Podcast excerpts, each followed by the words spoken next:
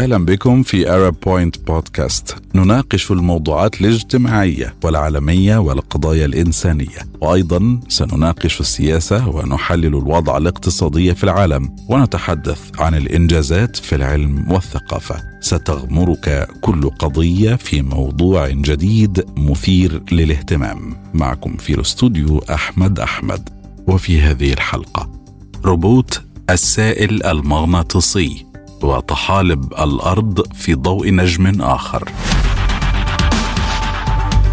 لمدة ساعتين تقريبا دارت فقاعة من الإلكترونات شديدة السخونة حول ثقب أسود هائل لمجرتنا درب التبانة بسرعة تصل إلى 30% من سرعة الضوء ثم تم تدميرها. اكتشف علماء الفلك ما يبدو أنه فقاعة فعلية من الإلكترونات الساخنة تدور حول ساجيتاريوس A ستار الثقب الأسود الهائل في مركز مجرة درب التبانة والدوران يتم بسرعات غير عادية. يقول العلماء إنه يمكن أن تساعدنا هذه الفقاعة الغريبة في تعرف كيفية التهام الثقوب السوداء للمواد من حولها. راقب العلماء المنطقة المحيطة بساجيتاريوس اي ستار حيث كان الثقب الأسود ينبعث منه شعاع هائل من الأشعة السينية. بعد دقائق من التوهج رأوا بقعة ساخنة هائلة من الإشعاع تتكون على الأرجح من إلكترونات مسخنة لمليارات الدرجات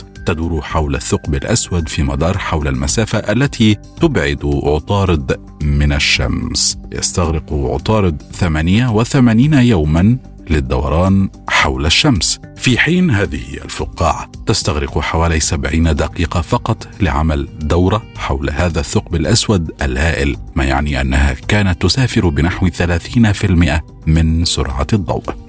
كان الباحثون قادرين على رؤيتها لمدارين فقط قبل أن تتلاشى عن الأنظار أي إما أنها تلاشت أو لم تعد تصدر ضوءا بأطوال موجية يمكن رؤيتها فهي فقاعة ضخمة. اذا يعتقد أنها ستعيش فترة أطول مما لو كانت ضئيلة. ومن ملاحظات اثنين فقط من المدارات تمكن الباحثون من تحديد أن المجالات المغناطيسية التي تؤثر على الفقاعة تبدو وكأنها محاذية. كما يشير التوقع أنها تستند إلى نموذج من الثقوب السوداء يسمى نموذج القرص الممغنط. وبالتالي يخبرنا أنه ربما يكون لنماذج العلماء من هذه الأنظمة علاقة فعلية بالواقع. ويشير مدار الفقاعة أيضا إلى أن المادة المحيطة بالثقب الأسود مباشرة تدور حوله في مسار عمودي على قرص المجرة. ما يعني أننا نستطيع رؤيته من الأرض من زاوية المواجهة؟ ويقول الباحثون إنه يمكن أن تساعدنا دراسة هذه المنطقة بمزيد من التفصيل في معرفة المزيد حول كيفية ابتلاع الثقوب السوداء للمادة. ولماذا تطلق اشعاعات هائلة؟ لكن بالطبع سيتعين علينا إجراء هذا البحث دون اقتراب بسبب انحناء الضوء في جاذبية الثقب الأسود. يقول العلماء إنه يمكن جعل الروبوت المصنوع من سائل مغناطيسي أصغر حجما أو أنحف أو يتم توجيهه للانفصال بمغناطيس خاص قد يكون مفيدا في توصيل الأدوية إلى الجسم.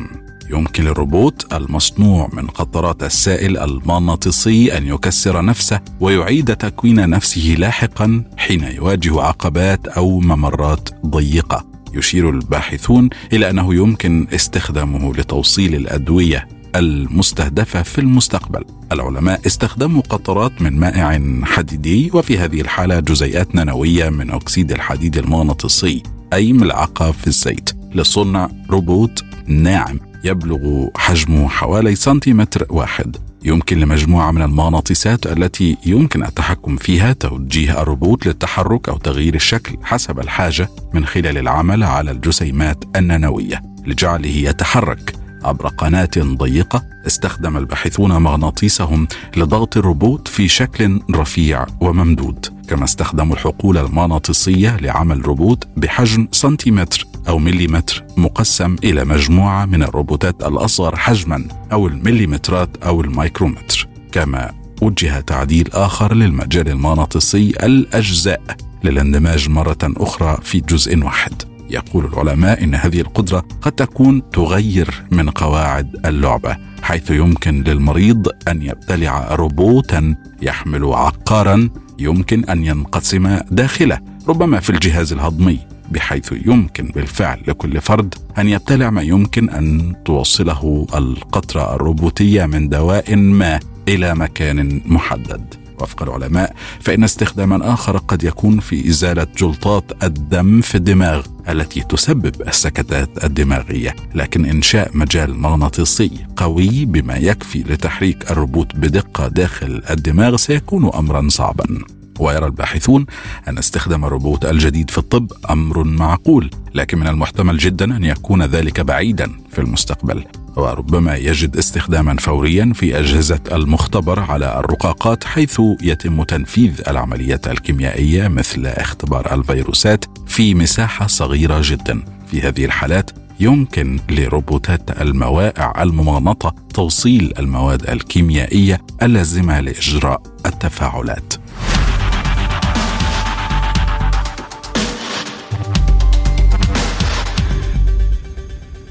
والآن إلى فقرة جديدة في ضوء العلم. الجينات ما نعرف وما لا نعرف. كيف تؤثر جينات الأجداد والفيروسات التي أصابتهم منذ آلاف السنوات على صحتنا؟ في داخل كل خلية من خلايانا نسخة من مادتنا الوراثية. يمكن تشبيهها بكتيب للتعليمات الوراثية مكون من 3.2 مليار نيوكليوتيدة قاعدة نيتروجينية وسكر ريبوز منقوص الأكسجين ومجموعة فوسفات. تشبه الحروف المشفرة. تحمل هذه الحروف أسرار أجسادنا وتحدد كيفية عملها. اعتقد العلماء فيما سبق أن فك رموز هذه الشفرة الوراثية بإمكانه تقديم رؤية غير مسبوقة عن الجسم البشري.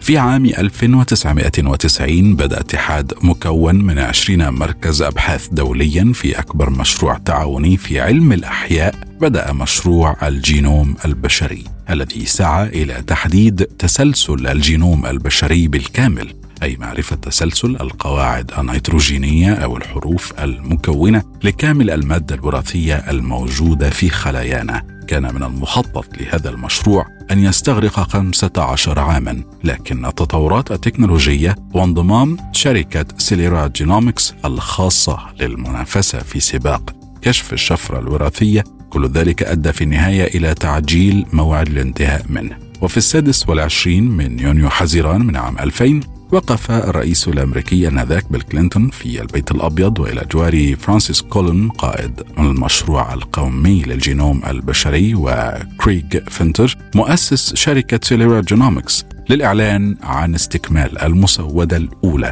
للجينوم البشري. وأشاد بجهود القطاعين العام والخاص التي أدت إلى هذا الإنجاز التاريخي. ارتفعت حينها توقعات المجتمع العلمي كثيرا. قال إريك لاندر الذي كان يشغل وقتئذ منصب مدير مركز أبحاث الجينوم بمعهد وايت هيد وعلق على هذا الإنجاز العلمي وقال نشهد لحظة غير عادية في التاريخ العلمي وكأننا صعدنا إلى قمة جبال الهيمالايا. يمكننا لأول مرة رؤية المشهد الخلاب للجينوم البشري.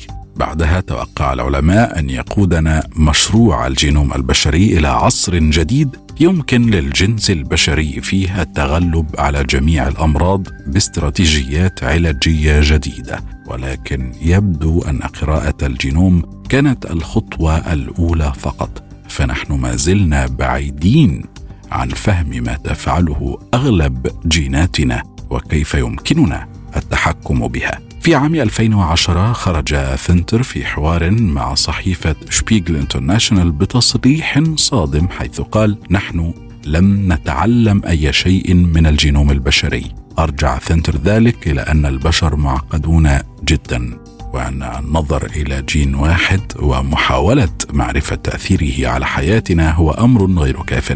وأنه يجب أن تكون لدينا الصورة كاملة. حين بدأ العلماء العمل على مشروع الجينوم البشري كان الاعتقاد السائد حينها أنه بمجرد الوصول إلى هذه الخريطة الجينية التي تسرد الأسرار البيولوجية للبشر سيكون بإمكاننا تجميع القطع وترتيبها لمعرفة المزيد حول اختلافات البشر وصفاتهم وسلوكياتهم. ولكن وجد الباحثون أن ما يقرب من 2% فقط من تسلسلات الحمض النووي يحمل الشفرة الوراثية المسؤولة عن إنتاج البروتينات. أما الباقي فهو ما أطلق عليه في ذلك الوقت جانك دي إن اي أو ال DNA الحمض النووي الخردة الذي لم يكن معلوم الوظيفة حينها. الباحثون يدرسون بالفعل هذه الخردة من تسلسلات الحمض النووي العشوائية في محاولة لتكوين جمل مفهومة منها كي نعرف وظيفتها. بعدها وجد الباحثون أن معظم الجينوم الذي لا ينتج البروتينات قد تكون له وظائف تنظيمية.